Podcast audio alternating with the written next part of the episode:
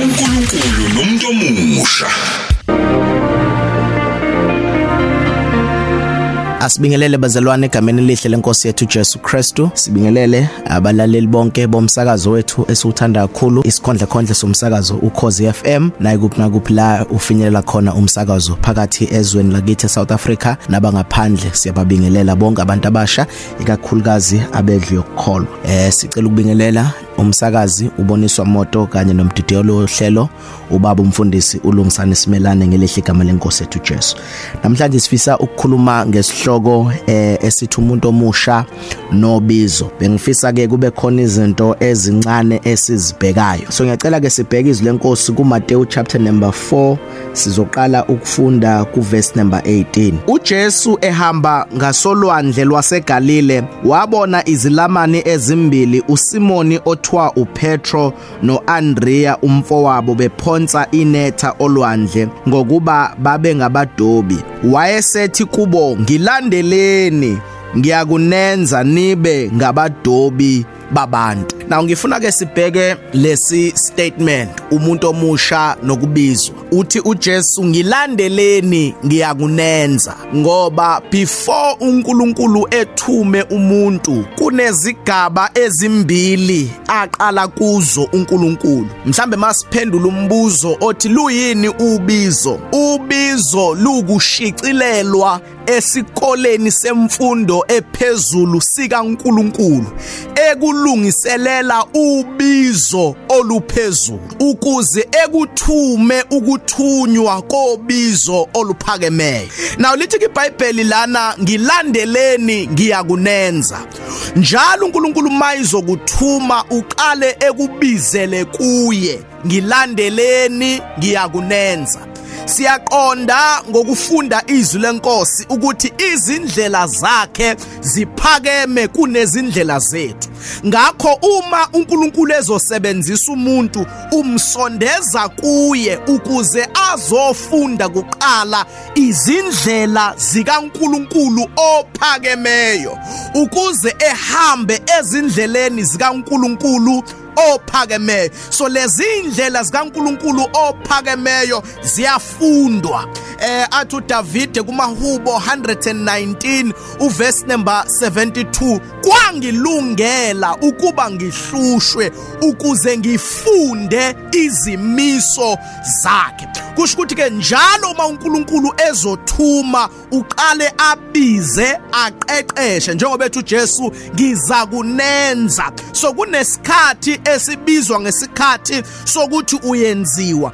Kwenziwani ke uma umuntu esakulesi sigaba sokubizwa uNkulunkulu emenza? Number 1 kufanele amcacisele ukuthi njengoba embiza umbizela ntoni isiphi isidingo sokuba abize wena yini obizelwe yona? Number 1 number 2 kufanele uqeqeshwe kukuthi la oya khona uyokwenzani? Yipi impact oyoyenza lapho uya khona? Now ukubizwa nokuthunywa kuye kuzwakale sengathi kuyinto eyodwa kodwa akuyona into eyodwa. Wonke umuntu obiziwe ubizelwa ukuthunywa kodwa akathi uma ebizwa bese eyathunywa. So it's very important ukuthi lokho sikugcizelele. Ngilandeleni ngiyakunenza. Abadobi babantu. There is a making process. Kukhona isigaba sokwenziwa. La uNkulunkulu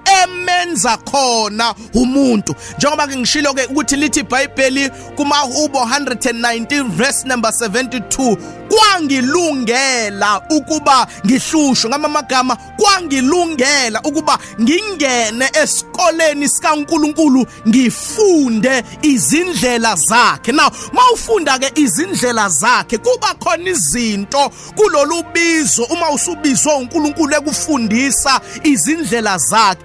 Eziqala zihluphe wena. Abanye abantu zingabahluphi. Kumangala ukuthi wena wakhathazeka ngezinto abantu abangakhathazekile ngazo. Kwenze njani? Hayi usufunda izindlela zakhe eziphakeme ngoba usungumfundi wesikole sikaNkuluNkulu semfundo ephakemeyo. La uqeqeshelwa khona lokhu uNkulunkulu azokuthumela khona. Now ngifuna ke sibheke eh uLuke chapter number Luke chapter number 3 uverse number 23 Luke number 3 verse number 23 Yena uJesu ukuqala kwakhe wayeneminyaka engamashumi amathathu eyindodana njengokushiwo kaJosefa kaEli.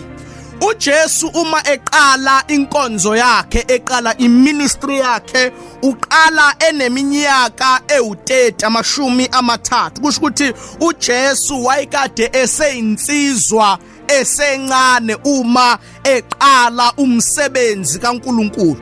Njengoba ke ngishilo ukuthi kunesikhathi sokubizwa bese kuba khona isikhathi sokuqala. Alright uJesu uqala eneminyaka engamashumi amathathu. Kusho ukuthi siyakhumbula uma sifunda izwi lenkosi ukuthi uJesu uyabonakala esethempelini ebuza imibuzo kuizazi imithetho efunda kubantu ababekade bazi izwi ngaleso sikhathi.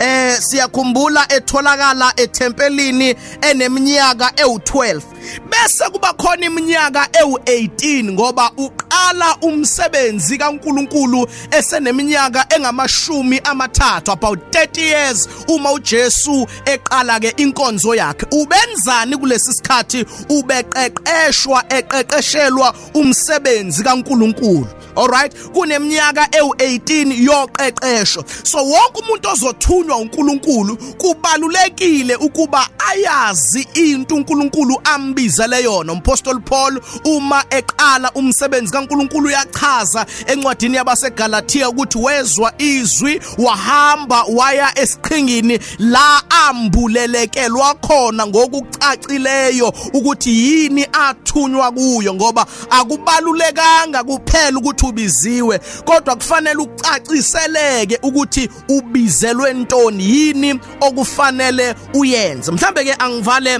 ngalendlela zintathu ke izindlela zokufunda kulomsebenzi kaNkuluNkulu. iBhayibheli lithe encwadini kaTimotheu eh funda ukuba uziveze uyisisebenzi esingenamahloni esiphatha kahle izwi lomusa. Na kubalulekile bazalwane ukuthi uma uNkulunkulu ekubizile ukukhuthalele ukufunda. Na ungafunda ngokuya eBible seminary uye esikoleni seBhayibheli. Number 2 ungafunda ngokuba ube ngolandela eduze obiziweyo ukuze lapho uqeqeshelwe lokhu uNkulunkulu akubizele khona. Siyakhumbula ukuthi abafundi bakaJesu imost yabo abayanga esikoleni seBhayibheli kodwa ukufunda nokuhlala eduze kukaJesu kubenze uma sebeqala lokhu uNkulunkulu abathumele khona izazi imithetho zibuzana ukuthi bafunde phi laba bese ziyakhumbula ukuthi bebekade benoJesu. So it's very important to spend time ufunde ukuze ufundele lokhu uNkulunkulu akubizele khona. So ngizothi kumuntu omusha uma uNkulunkulu esekubizile it's important ukuba uzihluphe ngokulufuna ukwazi ukuthi yini kahle hle uNkulunkulu akubizele yona. So kubalulekile ke ukuba number 1 ube umuntu ochitha isikhathi njengoba sengishilo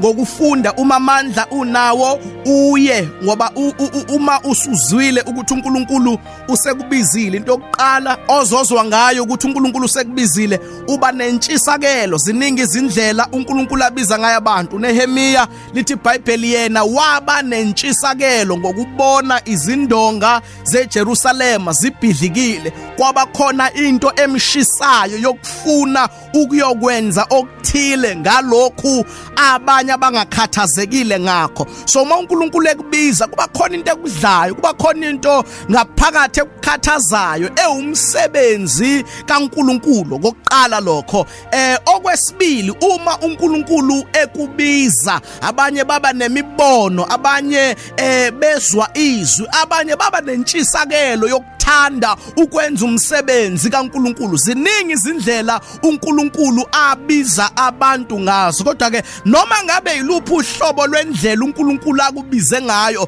kubalulekile ukuba ube umuntu ozinikeza isikhathi sokuba ufunde kabanzi ngalokho uNkulunkulu akubizela kukho. Ufunde kabanzi ngabantu uNkulunkulu akubizela kubo. Ufunde kabanzi ngomyalezo uNkulunkulu akunikeza wona ufunde kabanzi ngezindlela ezahlukahlukeneyo zokuhambisa umyalezo uNkulunkulu akubizele wona. Kodwa konke lokhu kuza ekutheni ube ngumuntu onakayo ube ngumuntu othatha isikhathi efuna ukwazi kulabo abenze ngaphambili kunaye lokhu uNkulunkulu ambizele khona. Njengoba uJesu uma eneseqala inkonzo yakhe lithi iBhayibheli uma ikhuluma abantu babemangala ukuthi lokhu kwazo kungaka ukuthathaphi. Kodwa mina nawe emlaleli wami sizokhumbula ukuthi uJesu lokhu kwazi ayisenakho uma eqala inkonzo yakhe.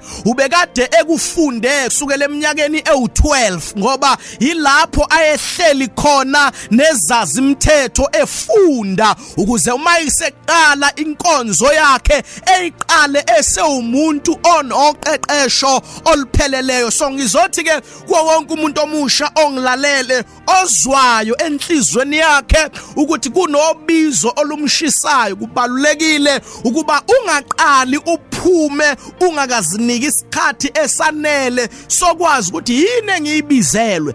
Ngiyothini kulaba bantu?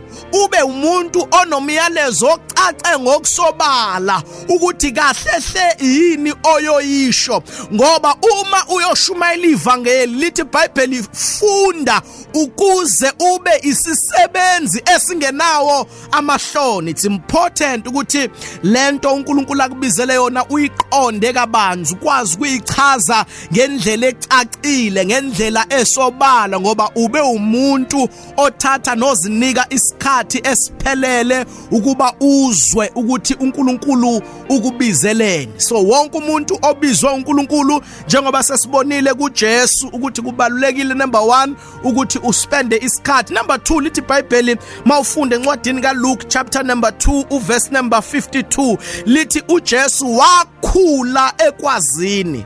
Wakhula emseni nabantu wakhula emseni nakuNkulunkulu. You know ukuze ke wonke umuntu omusha ezokwenza kahle ngokupheleleyo lokhu uNkulunkulu ambizele khona ulwazi onalo ngalento obizelwe kuyo ibaluleke ngendlela emangalisayo. Uma incwadi yezenzo isiqala ke irekhoda noma iqopha ibhala ngoJesu. Ithi ke nakhu Jesu aqala wakusho nakwenza. Ngicela sibheke izwi lenkosi encwadini yezenzo. Incwadi yezenzo chapter number 1 uverse number 1 incwadi yokuqala ngayiloba Tilofio ngakho konke uJesu aqala ukukwenza nokukufundisa.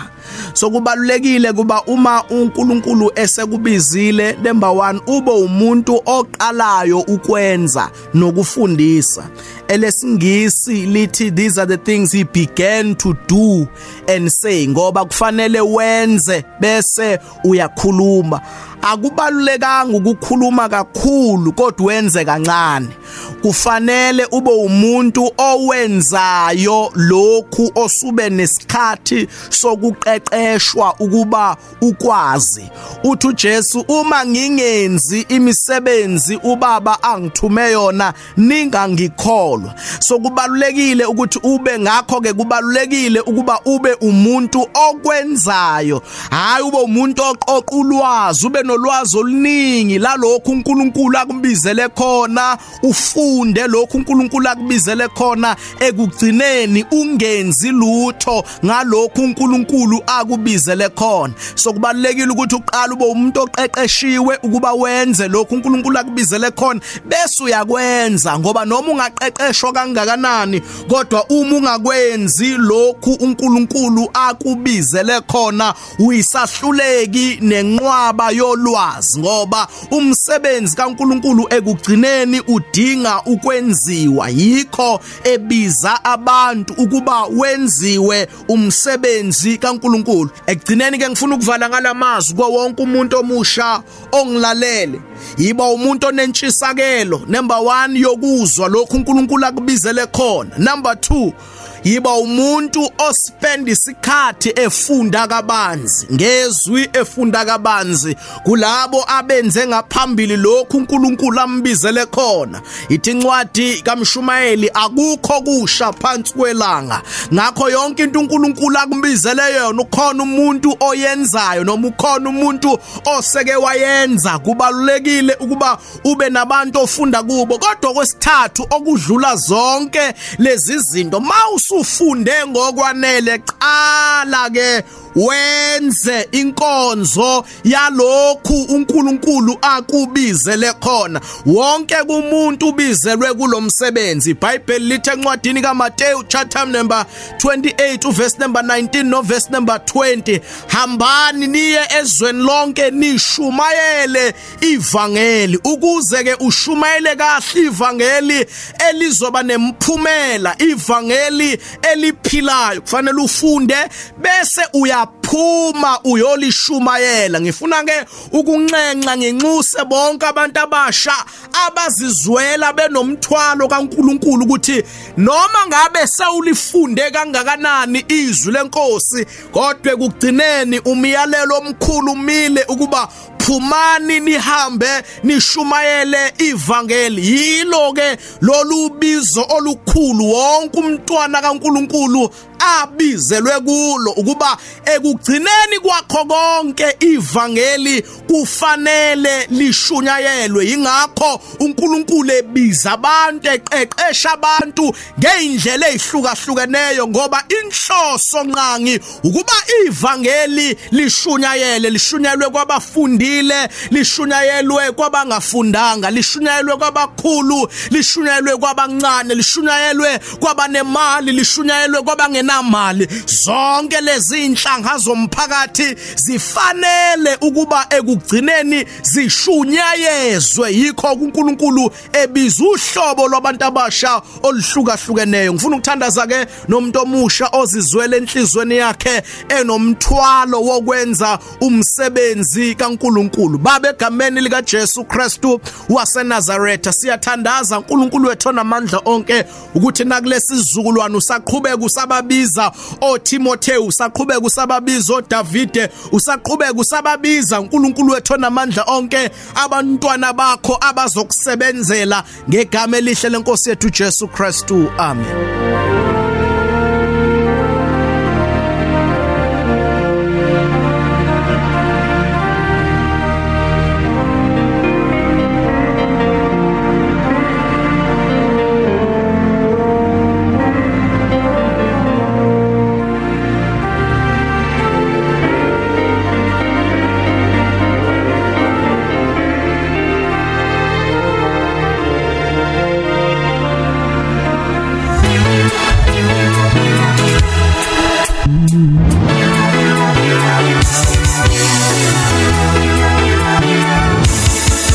Siyibamba kanjalo ke intshumayelo yanamhlanje bekade siyithulelwa umvangeli usiphamandla hlatshwayo msakazweni ukhozi FM njengalokho ke isikhathi sithi imzuzu ishumi nambili sibheke kulesishaka lolunye ihora 12 minutes to 9 singena kanjalo ke nje singene ngentshumayelo namhlanje. Ngenxa yobuhixihixi kade sinabo sizama uqhuma igoli netheku. Ngapha ke kuwona uhlelo uNkulunkulu nomuntu omusha. Ngaso lesi sikhathi siyaye sibe nawe nje nomuntu omusha phakathi kuka 8 no 9 konke kade sikuhlelele kona namhlanje bekade ngempela umphongolo wethu buchichima. Ngihambisana nomfundisi ulungisane ngowakaSimelani mina igama lami kuuboniswa moto ebekade ke sikuphathela okuningi sikuphathele isifundo seBhayibheli kodwa ngenxa yesikhathi mangaba sibuka izinto zethu sizoqinisekisa nomfundisi futhi ukuthi na kanjani sizosihlehlisa isifundo sethu seBhayibheli ngoba siyafuna ukuthi sikunikeze eh umnotho okade siwolwazi kade sikuphathele wona namhlanje. Uma ngaba sikhuluma ngendaba yesifundo seBhayibheli kodwa ke uzwile intshumayelo sikhuluma ngendaba namhlanje yokubizwa komuntu omusha eh yokubizwa komuntu omusha bizwa uNkulunkulu ukuthi ahambe ayoshumayeza izizwe zonke azenze abafundi abafundi bakaJesu ababhabhadise ke labo abayokholwa ngegama likaYisebe nendudana nomoya ocwebileyo.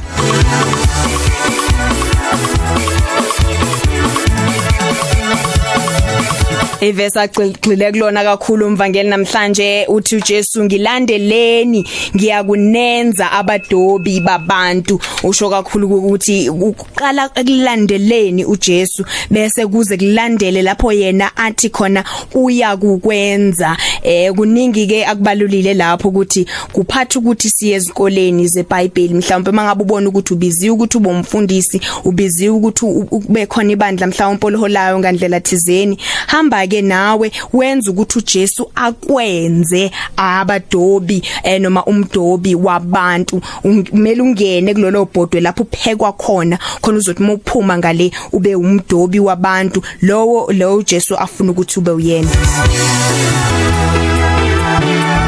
uNkulunkulu nomuntu omusha.